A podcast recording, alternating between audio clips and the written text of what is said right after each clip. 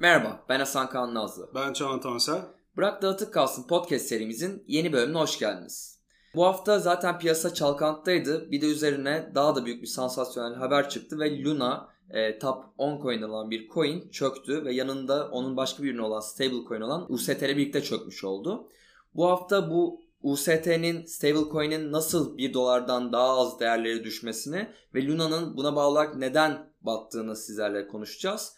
Öncelikle Çağan Bey nasılsınız? İyiyiz ama piyasa gerçekten çok zor bir dönemden geçiyor. Çok stresli ve zor zamanlar yaşadık. E, kendi adımıza bir kaybımız, bir şeyimiz olmadı belki ama e, çok yakın çevremizden, dostlarımızdan ya da profesyonel olarak beraber çalıştığımız e, kişilerden çok zarar görenler oldu. Türkiye'de ve dünyadan da zaten çok maalesef sıkıntılı, üzücü haberler geldi. O yüzden iyiyiz demek de ne kadar anlam ifade ediyor herkes için. Çok da böyle hani şey yapamıyorum ama iyi olmaya çalışıyoruz diyelim hep beraber kripto camiası olarak. İstersen Hasan şey yapalım. Başlıklar halinde ben biraz nasıl inceleyebileceğiz konuyu. Şöyle bir ana planı bir söyleyeyim önce dinleyicilerimize. Sonra gerekli başlıklardan başlayalım. Senin de eklemek istediğin detaylar olursa konu içerisinde beraber zaten e, inceleyeceğiz.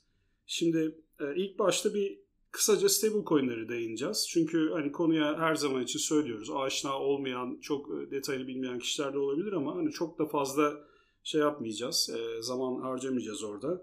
Sonrasında bu UST ya da UST diyelim Luna olayı neydi, nasıl yaşandı, neler oldu, neden bu kadar sıkıntılı bir olay? Ee, kara e, neydi bu? Kara Perşembe değil mi? Evet. Black Thursday olarak artık e, bu kripto e, dünyasının tarihine diyelim, literatürüne girdi. Bu şekilde konuşuluyor. Esinlendiği şey de Kara Çarşamba, Black Wednesday. 1992 yılında ünlü spekülatör George Soros tarafından e, yapılan ve pound'a hani pound sterline karşı e, yapılan e, bir spekülasyondan sonra işte onun kazancı pound'un değer kaybetmesi şeklinde tarihe geçen bir şeyden esinlenerek bu söyleniyor. Bu olay neydi onu değineceğiz.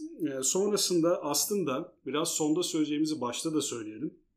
Sonrasında değineceğimiz konular esas bu konuyu vesile yapıp değinmek istediğimiz konular. Kripto para projelerinde bütün hani global olarak baktığımızda zaten genel olarak tespit ettiğimiz, gördüğümüz sıkıntılar, temelde yatan sıkıntılar nedir? Bu olayda da nasıl baş gösterdi, nasıl patlak verdi? Hani böyle ifade edebiliriz herhalde. Dolayısıyla yarın bir gün hani bir musibet bin nasihattan iyidir mantığıyla da bakacak olursak eğer doğru adımlar atılırsa yarın bir gün nasıl engellenebilir, ne, ne yapılabilir? Hani bunları da aslında konuşacağız. Esas amacımız bu yani bu podcast bölümünde. E biraz tabii ki bu olaya spesifik olarak sonrasında da neler etki anlamında neler yaşandı ve neler bekleniyor regülasyonlar tarafında veya işte piyasada neler oldu biraz onları da değineceğiz. Şimdi sırayla başlayalım. Stable coin'lerden başlayacak olursak mesela şu stable coin hani e, dediğimiz zaten işte değeri belli bir şeye sabitlenmiş ki pratikte bu genelde 1 dolara sabitlenen e, stable adını oradan alan coin'ler bunlar. Çok dediğim gibi yani tekrar tekrar söylemeye gerek yok. Birçok bölümlerimizde çok bahsettik ve buradaki risklerden de bahsettik aslında. E, dolayısıyla önceki bölümlerimize de e, o anlamda gerçekten tavsiye ederiz. Çünkü birçok kişi piyasada bu konuyu konuşmuyorken, irdelemiyorken biz üstüne sürekli ısrarla gittik. Çünkü stable coin'ler bu piyasanın omurgası. Yani orada yaşanacak bir sıkıntı dalga dalga bütün piyasayı etkiler aşağı çeker diye çok açıkça söyledik. Burada amacımız biz şunu söylemiştik, biz bunu söylemiştik değil. Lütfen yanlış anlaşılmasın. Şunu demek istiyoruz. Hani biraz şey de vardır ya işte bu 2008 krizinden sonra da çok yazıldı, çizildi, filmler üretildi vesaire. Orada da şunu gördük. Aslında birçok insan o krizin de gelmekte olduğunu, yaşanan öncü şeyleri, göstergeleri, oradaki işte temerrüt oranlarını vesaire birçok şey etüt edip, çalışıp aslında birçok uyarıda bulunmuşlar ve hatta buna karşı swap işlemlerine girişenler olmuş. Bunları sonrasında üstüne çok yazıldı, çizildi. Biz de her zaman mümkün olduğu kadar bir yandan bireysel olarak, yatırımcı olarak biz bu piyasanın içinde varız. Bir yandan da profesyonel olarak da varız. Hukuk ve regülasyon tarafında da çalışıyoruz. Dolayısıyla farklı bakış açılarıyla da gördüğümüz şeyleri tabii amacımız burada o bilgiyi paylaşmak, uyarıları paylaşmak, paylaşıyoruz. Sıkıntımız şuydu bizim. Yani canımızı sıkan şey şuydu bu kadar önemli bir konu varken ki geçen yılda itibaren Janet Yellen Amerika tarafında bayağı aslında bu konu üstüne gitmeye başladı. Açıklamalar başladı. Biz bunları da paylaştık. Neden kimse konuşmuyordu diye hep böyle kendi içimizde bunu vurguluyorduk, anlatıyorduk. Şimdi de hani bak oldu gördün mü işte patladı mantığıyla söylemiyoruz.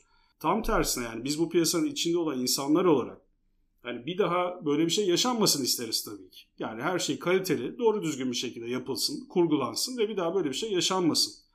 Çünkü ya bu şaka değil. Bir yandan maddi olarak çok büyük kayıplara uğradı insanlar. Bir yandan da Allah korusun yani intihar edenler oldu. Yani yurt içinde, yurt dışında bütün bu haberler gelmeye başladı. Kolay değil, çok büyük kayıplara uğrayan insanlar var. Yani biz kendimiz bizzat kayba uğramamamıza rağmen etrafımızda yaşanan bütün o sıkıntı, stresten dolayı biz bile çok etkilendik haliyle. Allah korusun yani insan başına gelirse gerçekten kolay süreçler değil bunlar.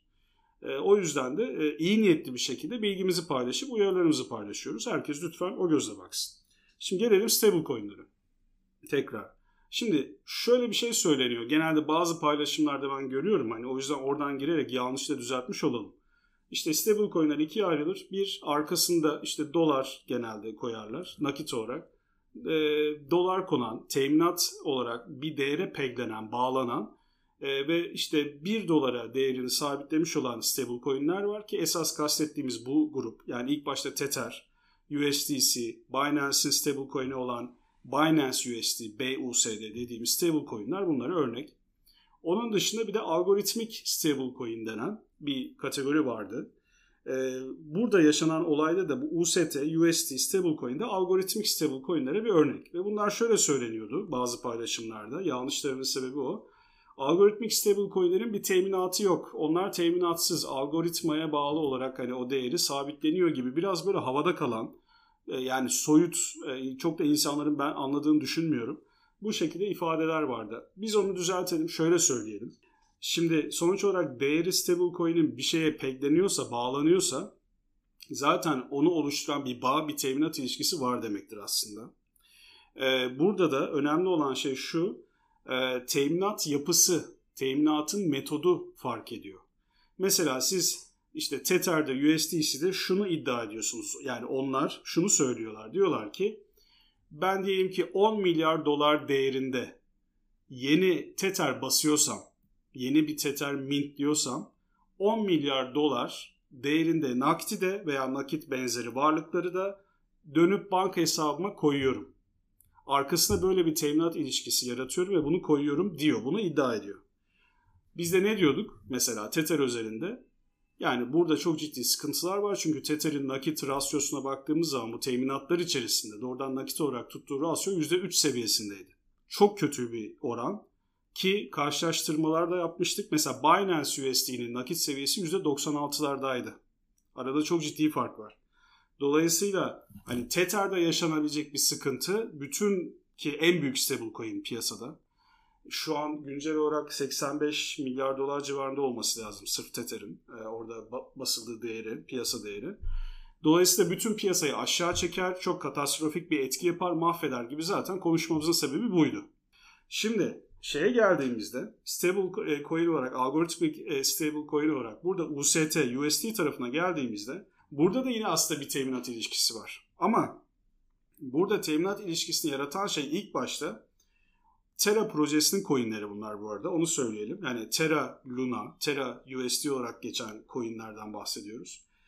Şimdi burada Terra projesine dair ve bu coinlere dair dolayısıyla otomatikman bir talep olması lazım buradaki teminat ilişkisinin yaratılması için, oluşması için. Şimdi bu ilişkide USD ve Luna birbirine bağlı. Bir terazinin iki kefesi gibi gözünüzde canlandırabilirsiniz. Sistemde USD yaratmak istiyorsanız Luna yakmanız lazım. Luna yaratmak istiyorsanız USD yakmanız lazım. Aynı ilişki her iki yönlü olarak geçerli. Mesela şimdi burada sistemde deniyor ki işte 1 dolara peglenmiş, bağlanmış durumda USD'nin değeri siz bir yeni USD basacaksanız eğer sistemde o zaman e, bir dolar değerinde Luna yakmanız gerekiyor. Dolayısıyla aslında hani teminatsız, arkasında bir şey yok falan gibi bir imaj, bir burada algı yaratılmaması lazım. Var aslında bir şey ama mesele bunun ne kadar sağlam olduğu, ne kadar iyi çalıştığı, bunun sorgulanması gerekiyordu her zaman. Burada Ve de bir araya gireyim isterseniz tabii, daha tabii. güzel e, bir açıklama olarak diğerleri tabii. aslında bizim e, USDC, USDT, e, BUSD gibi paralar aslında itivari paraları arkasında Peklenmiş rezerv olarak bulundururken e, algoritmik şeyler dediğimiz e, stable coinler ise kripto paraları rezerv olarak aslında bir nevi kullanıyorlar evet. arkalarında. Evet. Mesela buna daha iyi bir örnek dayı, dayı da bir dayı e, verebiliriz. E, evet. algoritmik e, kripto şey stable coin ama dayının da e, UST'den farkı olarak orası birebir oranda aslında şeyi e, tutmuyor arkasındaki evet. kripto parayı. Bire bir buçuk oranda tutuyor. O yüzden evet. onun da büyük bir riski var ama arkasındaki kripto paradan daha fazla misli tuttuğu için Peg'i koruması daha kolay oluyor. Bizim Luna UST ilişkisi aslında bire bir bir oran. Evet. E, bu yüzden aslında burada bir tık risk daha büyümüş oluyor. Çünkü birindeki oluşacak bir çatlak e, otomatikman diğerini de etkilemiş oluyor. Etkiliyor. Aynen öyle. Çok güzel. E, dolayısıyla hani o şeyi bir silmiş olalım. Hani bunlar aslında de, evet yani şey mekanizması metodu farklı ama hiçbir teminat olmadan yaratılan falan gibi bir şey değildi aslında. Bu insanların kafasında da karışıklık yaratan bir şeydi. Onu bir düzeltmiş olalım. Şimdi olaya gelelim. ikinci başlığımız. Yani bu UST Luna olayı, UST e, Luna olayı neydi? Neler yaşandı? Şimdi burada birkaç tane tam böyle hiçbir şey %100 şu yaşandı diye gösterilemiyor burada ama hani e, yaşanan şeyleri biraz anlattığımızda yine de atak yemiş olma ihtimali daha ön plana çıkan senaryo burada. Hani elimizdeki senaryolar şunlar. Birisi özellikle bu Soros vari dediğimiz işte. O Black Wednesday, Kara Çarşamba var bir atak mı yaptı? Mantığı ona benzer bir şekilde. İçeriden bir şeyler mi oldu? Konuşulan ihtimallerden birisi buydu. Yani Terra projesi içinden kendileri mi hani Rock Pool benzeri bir şeyler yaptılar? Yoksa hani aslında zaten yapının kendisi sıkıntılıydı, kurgusu sıkıntılıydı ve zaman içerisinde bir fad oluştu ve o panikle beraber o yapı kendi içerisinde çöktü. Yani bu üç senaryo aslında konuşuldu. Ama bunlar içerisinde atak ihtimali daha ön plana çıkıyor yine verilere baktığımız zaman. Şimdi sırayla önce adım adım hemen hızlıca özetleyelim. İlk anlarda itibaren neler, neler oldu? Bir, önce UST tarafında satışlar başladı ama burada şimdi baktığınız zaman neden mesela atak daha ön plana çıkıyor dediğimizde unsurlardan bir tanesi bu. Şimdi e, USD'nin yani Terra'nın kendi içindeki protokolü olan Anchor protokolde 350 milyon dolar değerinde bir USD satışı başladı. Sonra da Binance tarafında 650 milyon dolar değerinde bir USD satışı başlıyor. Sonra ilk başta burada algoritma, USD dengeleme mekanizması tabii her şey hani çok uç noktalara gitmediği sürece belli bir oranda çalışır zaten. Burada da mekanizma çalışıyor. Yani burada her bir USD 1 dolar değerinde Luna ile takas edilebilecek durumda ve sistem böyle işliyor. Ee, şimdi 1 milyar dolarlık bu şeye kadar, işlem hacmine kadar bir sorun olmuyor. Sistem çalışıyor. Dolayısıyla hani yaratım ve yakım süreci, değerleme süreci okey. Ama 1 milyar doların da üstüne satışlar devam ediyor. Biraz da o Soros vari denmesinin sebebi de bu. Hani Soros'un da yöntemi o 1992'de e, pound'u çok ciddi bir şekilde shortlaması Merkez Bankası'nda İngiltere'de yapılan e, orada alınan önlemlere rağmen hani aslında piyasa bu önlemlerden sonra pound dengelenir daha fazla düşmez demesine rağmen shortlamaya büyük oranlarda devam etmesi ki 10 e, milyar dolar civarında bir sermaye ile o günkü o atağı yaptığı zaten konuşuldu. Neyse devam edelim. Arada böyle ilgili hani parantez bilgileri de vermek istiyorum. Sonrasında bu devam etti. Bu satış UST, USD satış dalgası devam edince USD artık bu denge bozunca pegini, o bağını kaybediyor. Ve 1 dolar olması gereken değeri 80 sentin altına düşüyor. Tabi bu arada artık piyasada zaten biliyorsunuz bu tip unsurlarda psikoloji çok önemli. Çünkü panik başladığı zaman, nereye gideceğini öngöremediğiniz zaman her şey alaşağı gitmeye başlıyor. Ve burada panik başlıyor 80 sente düşmesiyle beraber e, normalde Anchor protokolünde %20 faiz, yıllık faiz oranıyla kilitleniyordu bu UST'ler. E, Anchor Terra'nın DeFi platformuydu. Burada %20 yüksek bir faiz olduğu için epey bir kullanım da vardı bu arada. Burada kilitlenen UST'lerin %80'inden ortalama hani yaklaşık olarak söylüyorum bir anda yoğun bir çıkış yaşanıyor UST'de. Herkes zararına da olsa hani bir önce kol keselim çıkalım mantığıyla USD'yi bozdurmaya başlıyor. Dolayısıyla platform burada algoritma yine devreye girip aralıklı olarak müdahaleler yapıyor ama şöyle düşünün. E, bütün bu yaratma ve yakma mekanizmasında hani hep e, belli oranda müdahale edebiliyor algoritma ama siz bunun başa çıkabileceğinden daha fazla volümlerde, daha fazla hacimlerde işlem yarattığınız zaman hani bu sefer artık algoritma bu şeyle başa çıkamamaya başlıyor. Bunu çok fazla detaya girmeden en genel şekilde herhalde oradaki mantığı fikri böyle anlatabiliriz. Ee, sonrasında Luna'dan da zaten USD'de bunlar yaşanırken Luna'dan da çıkışlar bu sefer başlıyor. Luna'nın satışı aşağı gidiyor ki burada hızlandırıcı bir etki olarak şunu da belki söyleyebiliriz. Bu da önemli. Bunlar zaten aşağı giden piyasada olan şeyler. Yani zaten hani bir katmerli bir etki yaratıyor. Piyasa zaten aşağı gidiyor. Sevimsiz bir durum var. Bir de üstüne bu kadar top 10 coin olan Luna'da yani Luna'nın ait olduğu Anchor protokolde, UST'de bunlar da yaşanınca katmerli bir etki yaşanıyor ve panik oluşuyor. O panikle beraber UST'den ve Luna'dan hızlı çıkışlar yaşanıyor. Aslında yükselen piyasada çıkış olsa yine değer kaybı olacak Luna'da ama yükselen piyasa dediğimiz boğa piyasasının zaten belli bir yükseliş olduğu için bu şeyi tolere edebilecek bir e, kayıp oluyor. Ama burada zaten bir ayı piyasası hakimdi. Bitcoin'de Ethereum başta olmak üzere büyük düşüşler vardı. Luna zaten aşağı yönlü bir hareket ederken bu e, tuz biberi oldu ve iki katına, üç katına bu hızı arttırmış olup daha büyük bir çakılışa sebep oldu. Aynen. Yani katmerli etki dememizin sebebi bu. E, bu da e, yani muhakkak şey tabii ki göz önüne alınmış bir şeydir. Bu organizasyon içerisinde diyelim. Şimdi özetle yaşanan şeyler bunlar. Ne oldu? E, bir kere iki taraftan USD Luna tarafında 50 milyar dolarlık bir kayıp söz konusu ama esas bunun piyasaya olan etkisine baktığınız zaman e, bu kadar önemli hani şöyle düşünün bir fiyat currency olarak diyelim ki dolarda, poundda böyle ana para birimlerinde global olarak çok ciddi şeyler yaşansa, krizler yaşansa ne olur? Yani sadece etkisi sınırlı olarak onlarla mı kalır? Yoksa bütün piyasaya mı gittikçe dalga dalga etkisi yayılır? Tabii ki bütün piyasaya yayılmaya başlar. Çünkü bu bir güven sorundur ve o psikolojiyle beraber zaten herkes parasını çekip başka bir şeye döndürüp güvenli bir limana sığınmak ister. Bu gözle de baktığınız zaman zaten kripto piyasası henüz daha olgunlaşmış, oturmuş o kırılganlıklarını üstünden atmış bir piyasa değil. FUD, Fear, Uncertainty, Doubt yani bütün o korku, endişe, oradaki belirsizlik, şüphe yani bütün bunlar birleştiği zaman zaten çok ciddi etkiler yapıyor bütün piyasaya.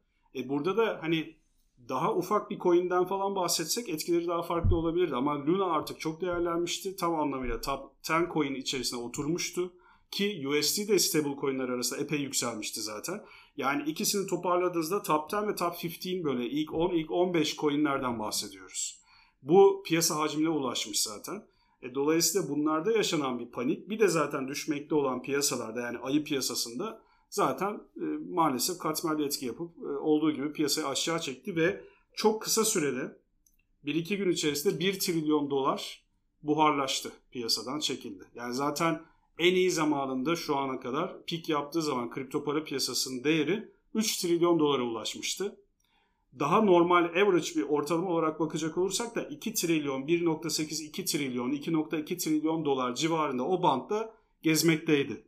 E şimdi böyle bir piyasada 1 trilyon doların buharlaşması çok kısa sürede çok büyük bir olay tabii ki. Yani böyle de bir etkisi oldu. İstiyorsanız Öncelikle... bir şey, rakamı da verelim. Yani mesela bir tabii. hafta içinde Luna 80 dolardan 1 doların altına düştü ki tabii. şu an artık sentlerle ifade edilecek e, bir derecede. Yani 1 sentim bile altına düştüğü noktalar oldu. Şu an UST'nin değerine baktığımızda 1 dolar olması gereken UST şu an 50 sent civarında geziyor. Yani her şey bütün sistem aslında kayıp bir anda büyük düşüşler oldu. E, ivmeye de baktığımızda bu şey e, chartlara baktığımızda e, kripto tarihindeki muhtemelen en büyük düşüşlerden, en sivri düşüşlerden e, mum, yani mum olarak mum bazında baktığımızda en sivrisini görebiliyoruz. Evet. E, bu arada biz konuşurken arkanda siren sesleri geliyor. Kayda geliyor mu bilmiyorum ama tam böyle USD Luna falan konuşurken eşlik ettiler bize ya siren sesleriyle. İyi denk geldi. Şimdi e, sonrasında piyasada neler beklenecek, neler olacak kısaca onda değinmiş olalım. Ama bunun öncesinde de hani ben e, Luna'nın CEO'su işte kurucusu Do Won hani Güney Kore e, vatandaşı olan bir kişi onun yaklaşımından yola çıkarak işte bu kripto para projelerindeki eksiklikleri özellikle biraz vurgulamak istiyorum. Ki bir daha inşallah yaşanmaz. Şimdi biz hep şunu görüyorduk. Bazı şeyler var, temeller var. Bazı hani fundamental is everything denen laf. Temel konular, fundamental konular her şeydir. Her şeyde kapsar. Bundan vazgeçemezsiniz, bundan ödün veremezsiniz, vermemelisiniz. Çünkü en de sonunda döner dolaşır sizi bulur. Şimdi sihirli kelimeler var. Temel e, kategoriler var. Yönetim, iletişim veya yönetişim ikisinin birleşimi. Organizasyon, e, kurumsal diyelim ki disiplin. Kurumsal lafını mesela birçok insan belki biraz kripto para piyasasında daha böyle hani dışarıda bırakmak istiyor, itici görüyor olabilir ama bizim burada kastettiğimiz hantallaşmış, böyle efendim e, verimsizliğin kalesi haline gelmiş kurumsal yapılar falan değil. Yani gözünüzde öyle bir şey canlanmasın. Her şey dengesinde akıllı, mantıklı, işin ruhuna, mantığına uygun bir şekilde kullanıldığı zaman değerlidir. Kurumsallık da hani özünde sözlük anlamında baktığınız zaman eğer gerçek hayata bunu geçirebiliyorsanız çok değerlidir. Sizin hayatınızı kolaylaştırır, daha verimli hale getirir. Sizin başarınızı daha kolay hale getirir. Yani sizi yüzdüren, yöneten, götüren sistemdir yani kurumsallık aslında. Doğru uygulandığı zaman. Dolayısıyla ister bir kripto para projesi yapın, kripto varlık projesi yapın. isterseniz bir gıda, tarım projesi yapın. Fark etmez. Temel mantıklar hep aynıdır. Yani finansın, hukukun, e, iş dünyasının burada hani business tarafına yönetim, iletişim, organizasyon başlıklarındaki bütün gerekliliklerin mantığı değişmez. Her yerde aynıdır. dolayısıyla burada da baktığımız zaman biz kripto para piyasasında yerel ya da global olarak yani çok iyi örnekleri de biliyoruz. Çalıştığımız çok profesyonel insanlar da var ki inşallah sayıları artar. Ama bunun dışında genel bir şöyle resme baktığımız zaman şey de var. Yani e, çok ciddi eksiklikler de var. Ve burada çok bariz bir şekilde yaşandı bunlar. Mesela biz işte paylaşımlarımızdan birinde kullandık. E, Twitter'da Kasım ayında e, 2021 yılın Kasım ayında e, Dovon'a yazılmış bir tweet seli var orada. Ve diyor ki 1 e, milyar dolar tam da yani denk geliyor yani bu olayla gerçekten.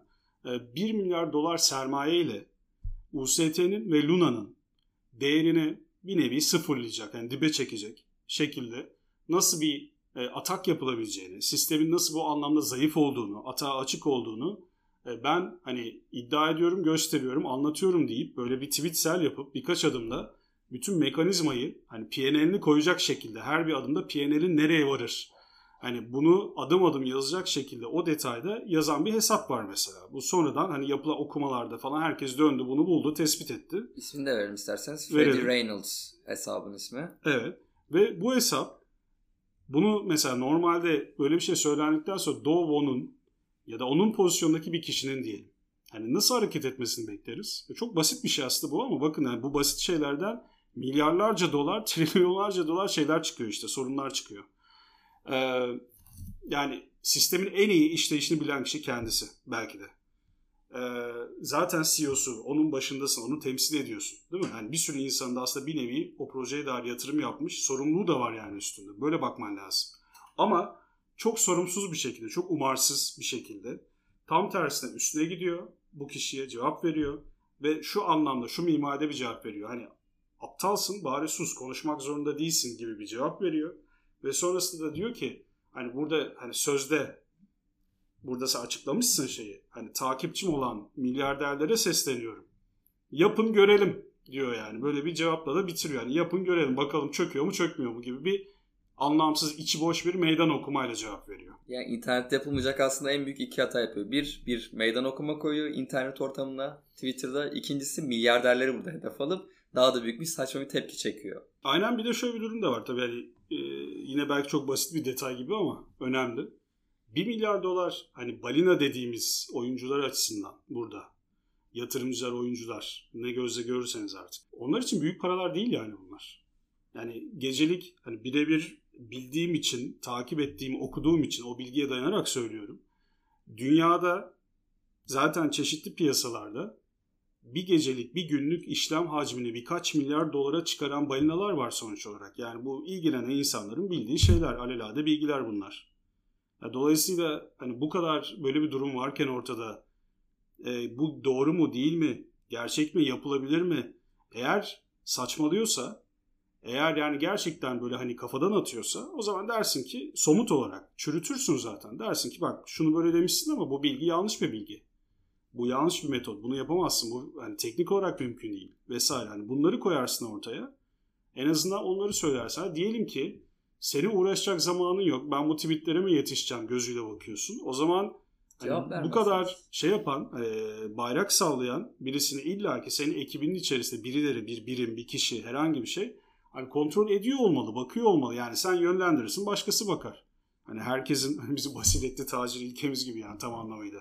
Yani sen yapmak zorunda değilsin ama hani gerekli organizasyona sahip olmak zorundasın sonuç olarak. Ama bu bu kadar hani hem doğru olduğu da bu arada hani belli kriterlere göre bunun yapılabileceği, belli şartlar bir araya geldiğinde bunun söz konusu olabileceği görüldü, yaşandı. Hatta zaten bu adam sonra yine tweet attı. Aynen. Dedik yani artık herhalde bir özür dilersin anlamında bir tweet attı yani ona tekrar sonra.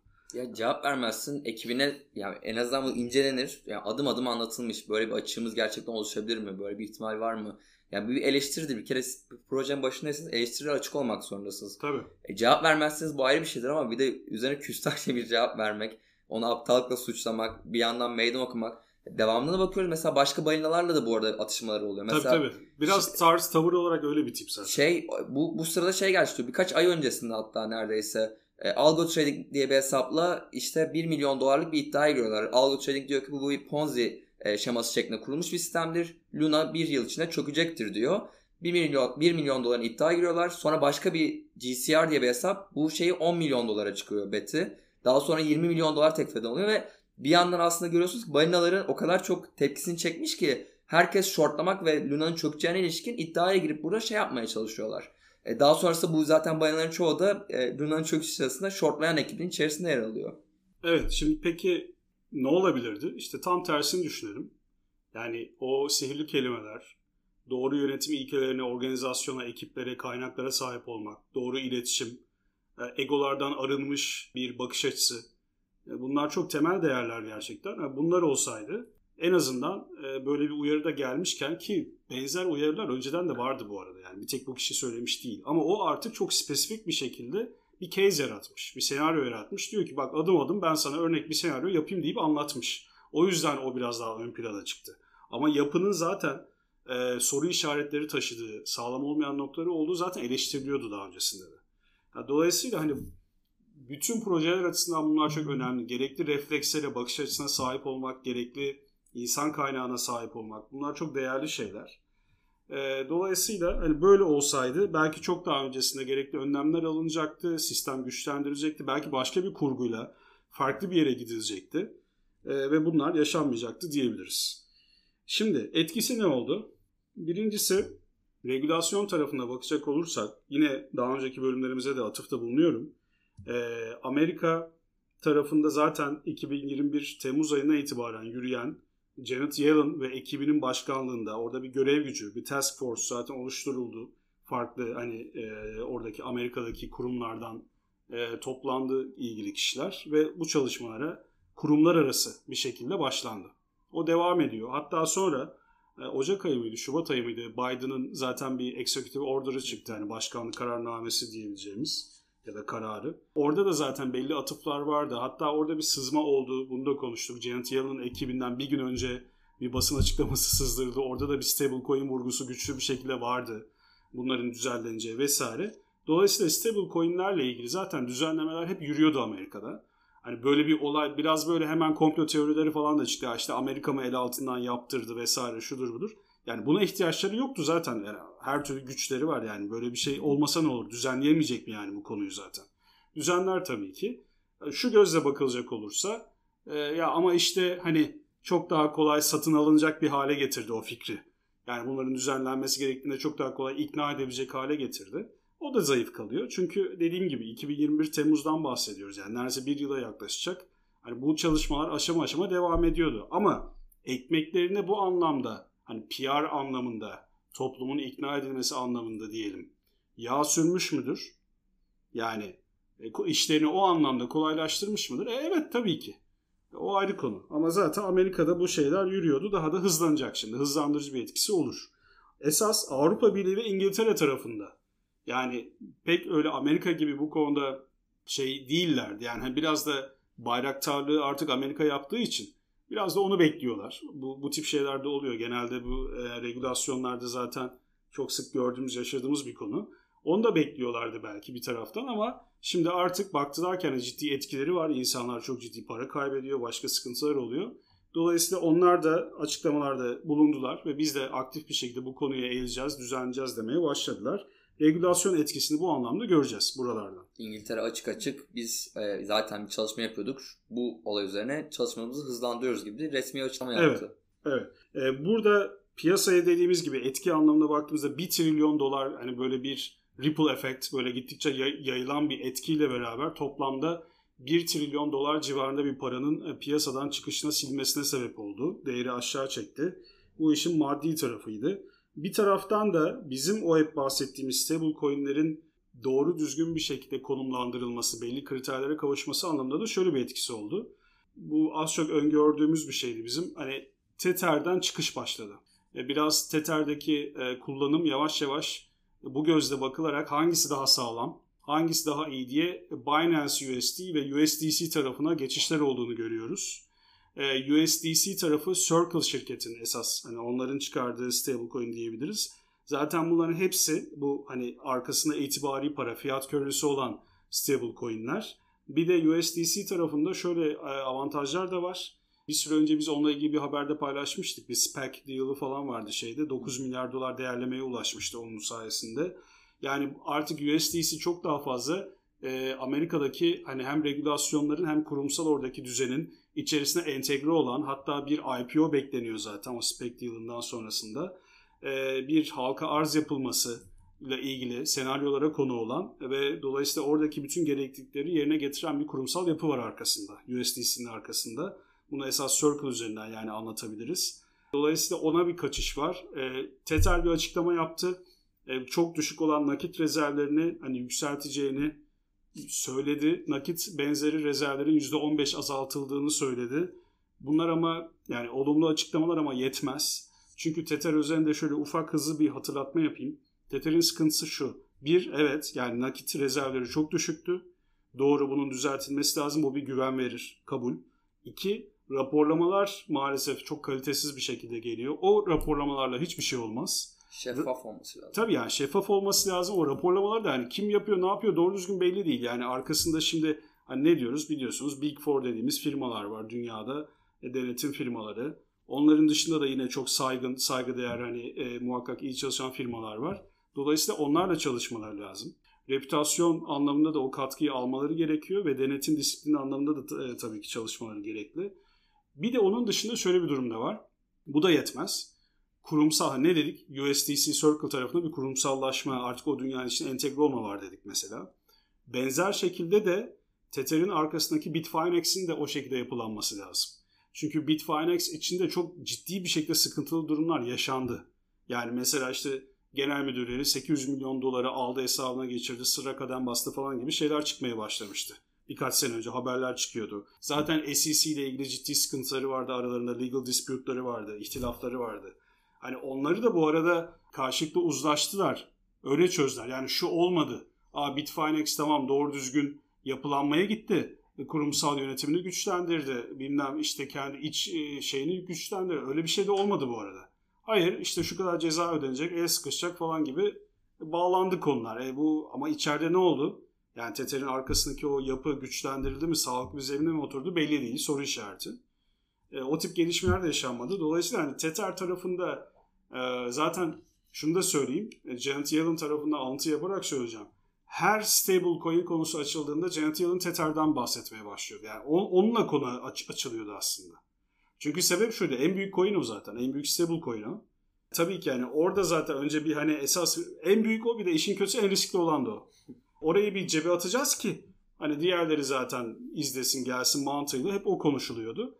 Dolayısıyla şimdi Tether de biraz silkinmeye başladı diyelim. Bu çıkışlar başladı Tether'den. Ee, şu an için bir sıkıntı görünmüyor ama hani bu bahsettiğim adımların, bu üç kategoride adımların e, hızlı bir şekilde atılması lazım ve bu herkese etkileyen bir şey. Yani bu şöyle bir konu değil. Ya bize ne Tether'den, biz Türkiye'de oturuyoruz, bizi ne bağlar falan. Hayır, yani eğer bu piyasanın içindeyseniz dediğim gibi işte bu USD Luna olayını anlattık bu kadar. Olduğu gibi bütün piyasayı aşağı çeker sizin yatırım yaptığınız bütün coinleri aşağı çeker zaten. Yani bugün UST kullanmayan adam zarar etmedi mi? UST Tabii. kullanmasa bile piyasa yani piyasanın dediğiniz gibi temeli bu. Temeli çöktüğü an Hepsi her şey bodoslama aşağı gitmeye başlar. Ha, bu arada hani böyle felaket tellallığı yapıyormuş gibi söylemeyeyim ama yani hani doğru yere tespit etmek, doğru yere parmağımızı koymak açısından söylüyorum. USD olayı bir atom bombası etkisi yarattıysa diyorum ben. E, Tether'de yaşanacak bir Allah korusun diyelim aksi bir olay hidrojen bombası yani bin katı etkili denir ya hidrojen bombası daha bin kat daha etkilidir yani onun için söylüyorum bin katı etkili yani hidrojen bombası etkisi yaratır. Yani hacim olarak da öyle psikolojik olarak da öyle çünkü her şey sadece e, numerik gitmiyor yani tabii ki piyasada psikoloji çoğu zaman çok daha ön plana çıkar. O yüzden de e, umarım hani orada da hızlı gelişmeler görürüz. Ondan sonrasında da zaten piyasa ne olacak toparlanacak mı gibi biz de çok soru alıyoruz. En de sonunda kripto para ben şunu da ekleyeyim biraz son sözü olarak. Kripto para piyasasının bir tarafı artık son 1-2 yılki gelişmelerden sonra geleneksel piyasa aslında. Yani iç içe geçmiş durumlara bir kesişim noktası oluştu ama hala esas itici gücü kripto paraları sahiplenen, yeni sistemi sahiplenen ve sistemi oraya doğru itecek olan daha genç jenerasyonlar. Bir taban gücü var. Bir sahiplenme var. E, bu çok kolay kolay geçecek bir şey değil. Ha, baktığınız zaman hacim tutar olarak balinaların, büyük fonların sahiplenmesi, finansal kurumların sahiplenmesi tabii ki farklı etki yaratıyor. O ayrı bir konu. Ama yine de önemli bir bazı da var demek istiyorum. Temel bir gücü var. Bu böyle çok yatsınacak bir şey değil. Hani hep şu konuşuluyor işte geçen gün Lagarde da çıktı mesela. Kristen Lagarde yine şey dedi. E, Bitcoin'in zaten hiçbir değeri yok dedi. Aslında hiçbir değere bağlı değil. Bunlar fasafiso, bunlar hani hikaye falan gibi yine hani birçok kez konuştuğu gibi yine öyle konuştu. Hayır öyle bir durum yok. O değeri yaratan, o değeri atfeden bizzat insanların o talebi zaten. Ona bakacak olursanız hani doların arkasında Amerikan devleti var da ne oluyor? Dolar da değer kaybediyor. TL de değer kaybediyor. Yani fiyat köresi olarak baktığınız zaman hepsi enflasyona uğruyor. Hepsi değer kaybediyor. Yani 10 sene önce elinizde tuttuğunuz dolarla şimdiki dolar aynı mı? O gözle bakarsanız. Yani o yüzden e, arkasında devlet var da ne oluyor? Koruyor mu değerini? Yani o da değer kaybediyor vesaire. Neyse. Hani o konular zaten hep böyle tartışılan konular ama yani şunu demek istiyorum. Şu küçümsenecek bir konu değil. Zaten Bitcoin'in kendisi kendi kurduğu blok zincirine, kendi kurduğu ledger'a olan güven ve teveccüh sonucunda Bitcoin'e bir değer atfediliyor zaten. Ve 13 yıldır kurulduğundan beri çökmemiş, hacklenememiş bir sistemden bahsediyoruz. Tıkır tıkır işlemiş hala yani. Dolayısıyla bu yüzden Bitcoin'in bir taban değeri var. Bunu bilmedikleri için bazıları hakikaten bilmiyor bunu. Bazıları anlayamıyor, anlamıyor. O anlamda bilmiyor diyelim. Bazıları da manipüle ediyor. Hani o yüzden hani bu konularla ilgilenen insanların bir de hani eğer bu tarafını bilmiyorlarsa muhakkak okumalarını, araştırmalarını tavsiye ederim. O zaman kripto paralara, kripto varlıklara bakışları da bence farklı bir yöne evrilecektir. Neler daha proje, neler daha böyle global anlamda Bitcoin gibi, Ethereum gibi ya da o seviyeye gelebilecek başka blok zincirler de olabilir tabii ki. Hani o kategorizasyonu çok daha iyi yaparlar. Benim notlarım bu kadar. Sen eklemek istediğin bir şeyler var mı? E, isterseniz hani şey de söyleyelim. Terraform hani şu an kapadı dükkanı gitti gibi bir şey yok. Luna hani terk edildi gibi de bir şey yok. Ee, en azından şu an hala arkasında durmaya devam ediyor ekip. Ee, özellikle Don Won hala bu konuda fikir üretim. Yeni bir üretmeye. öneri de getirdi. Forklama üstüne bir öneri de getirdi. Farklı farklı öneriler de konuşuyor. Evet. Camiadan da bu, piyasadan da bir sürü insan öneride bulunuyor. Çünkü evet. çok fazla zarar gören insan var. E bunun arasında her zaman şey küçük insanlar yok yani büyük insanlara da tabii, çok tabii, zarar gören var. O yüzden bir sürü çözüm önerisi sunuluyor şu an hali hazırda. Yarın ne olacağını bilemeyiz. Evet çok düşük bir ihtimal Luna'nın tekrar toparlaması ya da UST'nin. E, ama belki de bir geri dönüş olur. Piyasa içinde farklı bir şey e, hikaye olur. Çünkü böyle böylesine denli bir düşüşten de çıkan bir proje aslında yarınlar içinde farklı bir e, konu e, içermiş olur. Evet ama şunu da söyleyelim. Yani bir e, bu ekibe karşı güven bayağı Hiç zaman bir, bayağı bir bitti. Ben pek kolay kolay e, toparlanabileceğini zannetmiyorum. Hatta işin içinde Doğu Won falan varsa kaç diye böyle bir şey de oluştu bence. İkincisi çok ciddi bir şekilde sistemin kendi içinde bir zafiyeti olup çöktüğü için ben toparlanmasına pek ihtimal vermiyorum. Yani kendi kişisel görüşüm olarak söylüyorum.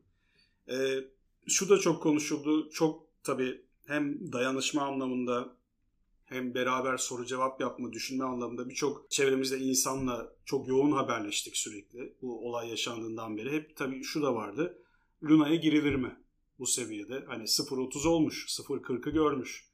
Girilir mi? Bu saatten sonra dip yaptı artık yukarı çıkmaz mı falan. Ben hep şu gözle baktım, hep onu söyledim. Yani bu saatten sonra yapılacak her şey kumar. Kumardan bir farkı yok. Yani bu yatırım değil. Bu bir öngörüye göre yapılmış, analize göre yapılmış da bir şey değil. Bu bir kumar olur. Yani çıkabilir. Mesela ne oldu? Bir gün içinde bir anda e, sıfırdan 7, 50'ye 10 dolara falan çıktı böyle hızlı bir şekilde. bin artışlar falan oldu. Ondan sonra tekrar 4 4.50 seviyesine düştü. Şimdi mesela düşünelim birisi 0-1 dolar seviyesindeyken yani x bir para koysa bir anda 10 katına çıkmış olacaktı parası. Ama ondan sonra da işte hani oradan çıkarsan yani evet hani vurkaç mantığıyla böyle e, kar edelim falan diyenler oldu ama hani dediğim gibi bu kumar yani artık hani onu görmek lazım. O noktada milyonlar kaybedenler de oldu. Mesela bazı YouTuber'lar paylaştılar. 2 Evet. milyon dolara yakın yatırım yapıp 1 dolarken sonra 2 sentlere düşünce aslında daha da büyük zararlar orada oluştu. Evet Yani- yani, ben hani proje özelinde ve ekip özelinde o güvenin geri geleceğine pek ihtimal vermiyorum açıkçası. Bu kadar yani istisnai bir olaydan sonra katastrofik bir olay tam anlamıyla. O görüşümüzü de eklemiş olalım yani en azından o gözle takip edilebilir. Yani içeride olan varsa inşallah proje toparlarsa bir noktada İnşallah tabii ki yani o açıdan öyle diyebiliriz. Ama Ancak- hiçbir zaman da şeyden denmemesi gerektiğini de görmüş olduk. Yani çok büyük diye bir güven olması doğru değil asla. Mesela Lehman Brothers da bir batmayacak banka, Tabii. bu kadar büyük de ba- banka batmaz deniyordu. Yani Battı. too big to fail e, her zaman geçerli değil. E, bazı durumlarda geçerli olabilir tabii ki. E, ama her proje için, her kurumsal yapı için vesaire hani ne olursa olsun geleneksel piyasada da aynı şey geçerli. Burada da aynı konuşuyoruz. E, geçerli değil. Yani hep böyle bir filtre, bir şey herkesin kafasında olmalı. Hani kötü senaryo burada da olabilir. Gözüyle bakmalısınız. Güvenin odağı temeli bu olmamalı yani. Mesela Dowan da daha sonradan batmış bir stablecoin projesinin başı olduğu ortaya çıktı. Basis Cash diye daha eski Hı hı. projenin. Yani aslında daha önce bahsettiğimiz ekibin arkasında kimler olduğu, geçmişleri ne kadar önemli olduğu böyle şeylerle aslında daha e, örneklenmiş, e, ortaya çıkmış oluyor. Bunu Evet. tekrar görmüş olduk. Peki çok teşekkür ederiz bizi zaman ayırıp, değer verip dinleyenler için. Bu özel bir bölümümüzdü. Çeşitli açılardan ele aldık. Eğer herhangi bir sorunuz ya da yorumunuz olursa çok memnun oluruz. Ee, info at tansel.av.tr mail adresine ulaşabilirsiniz. Bizden bugünlük bu kadar. Saygılar, selamlar. Esen kalın.